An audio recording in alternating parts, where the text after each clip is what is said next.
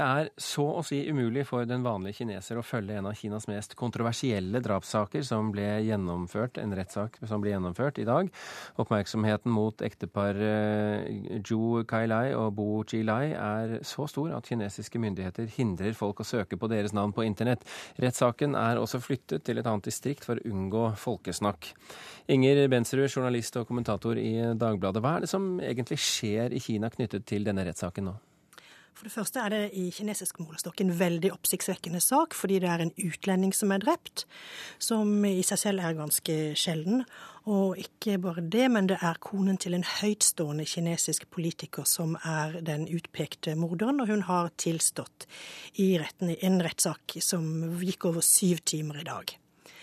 Uh, nå er det ikke veldig vanlig at kinesiske rettssaker er åpne. I teorien er de åpne for publikum, men det er veldig sjelden at vanlige folk, vanlige nysgjerrige, får slippe inn. Det er sjelden at utenlandske pressefolk får slippe inn, og det er stort sett bare håndplukkede kinesiske eh, journalister i de statlige nyhetsorganene som får lov til å, å slippe inn i salen og referere. Og det går gjerne beskjed ut fra det som på folkemunne kalles det kinesiske sannhetsministeriet om hvordan de forskjellige presseorganene, aviser, eh, radio og nettsamfunn skal dekke sånne saker. Hva de skal få lov å si, hva de skal legge vekt på i det hele tatt. I denne konkrete saken her så har, har det kinesiske statlige nyhetsbyrået sendt ut en melding og jeg har hørt at også i, i, kinesisk statlig TV i kveld så har det vært et lite videoklipp fra rettssaken og en slags referat som er i tråd med det myndighetene vil at folk skal vite om denne saken. Fordi at her dreier det seg om både korrupsjon og maktovergrep og vold, og også sågar drap. Eh, helt inn i, inn i kommunistpartiets eh, egne rekker. Ja, absolutt. Og det at det er en drapssak er vel på en måte streit nok i seg sjøl, og det er vel sånn kineserne gjerne vil fremstille det som. Det er en drapssak. Og de forsøker også å si at, uh, at hun, som er, uh, hun som er forbryteren, den tiltalte i denne saken, kanskje har hatt litt sånn moderlige motiver for å begå dette drapet. Sønnen hennes skal ha blitt truet av dette drapsofferet, som er en engelsk forretningsmann. Men egentlig så handler dette sannsynligvis om korrupsjon, om hvitvasking av penger, om flytting av kinesiske penger illegalt til utlandet. Og det er fryktelig pinlig, kan man si det, for de kinesiske myndighetene, for det øverste sjiktet i kommunistpartiet, at en av deres egne høyt betrodde medlemmer, en tillitsmann, en som har vært partiformann i en stor by med 30 millioner innbyggere, at han har vært i stand til å drive en sånn utstrakt korrupsjonsvirksomhet. Eh, hvordan eh, sensurerer myndighetene saken? Hva er det de gjør konkret? Hva de gjør konkret. De, altså, det finnes jo et begrep som er liksom beslektet med den store kinesiske muren, som kalles den store kinesiske brannmuren.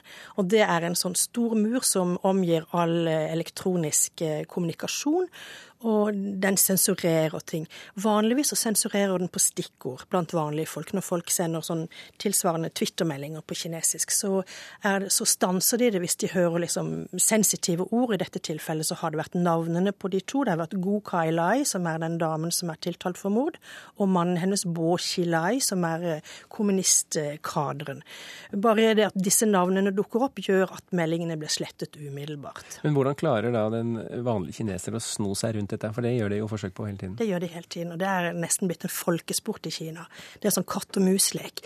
De bruker uh, ting De bruker ord som høres like ut, og de bruker forbokstaver, og de bruker helt andre begreper, og de bruker ironiske måter å omskrive det på. Når de skal f.eks. For fortelle at noe blir sensurert, så pleier de å si at det blir harmonisert. For det å harmonisere ting, det er jo i, i lingoen til det kinesiske kommunistpartiet. Du skrev i en kommentar i, i din avis Dagbladet i går eh, der du kalte Go Kai Lai for Lady Macbeth. Hvorfor gjorde du det? Hvorfor jeg gjorde det? Ja, det er ikke jeg som har funnet på det, det må jeg bare innrømme. Det har eh, versert både på kinesiske blogger en stund, og det har vært, eh, det har vært brukt i i vestlig presse en del, og senest så var det en kjent britisk historiker som heter Jonathan Fenby, som brukte det i en artikkel i The Observer. Men eh, altså, likheten er jo kanskje litt tvilsom, men er likevel ganske interessant. For folk som husker eh, Shakespeares Macbeth, vet at det handler om maktkamp, og om folk som er villige til å begå drap og få blod på hendene for å manipulere seg frem og intrigere seg frem til maktposisjoner. Og det er jo det man mener at dette paret også har gjort. Det er jo store politiske implikasjoner i denne saken. Man kan forstå hvorfor det kinesiske folket er interessert i den. Inger Bensrud, journalist i Dagbladet, tusen hjertelig takk for at du kom til Kulturnytt.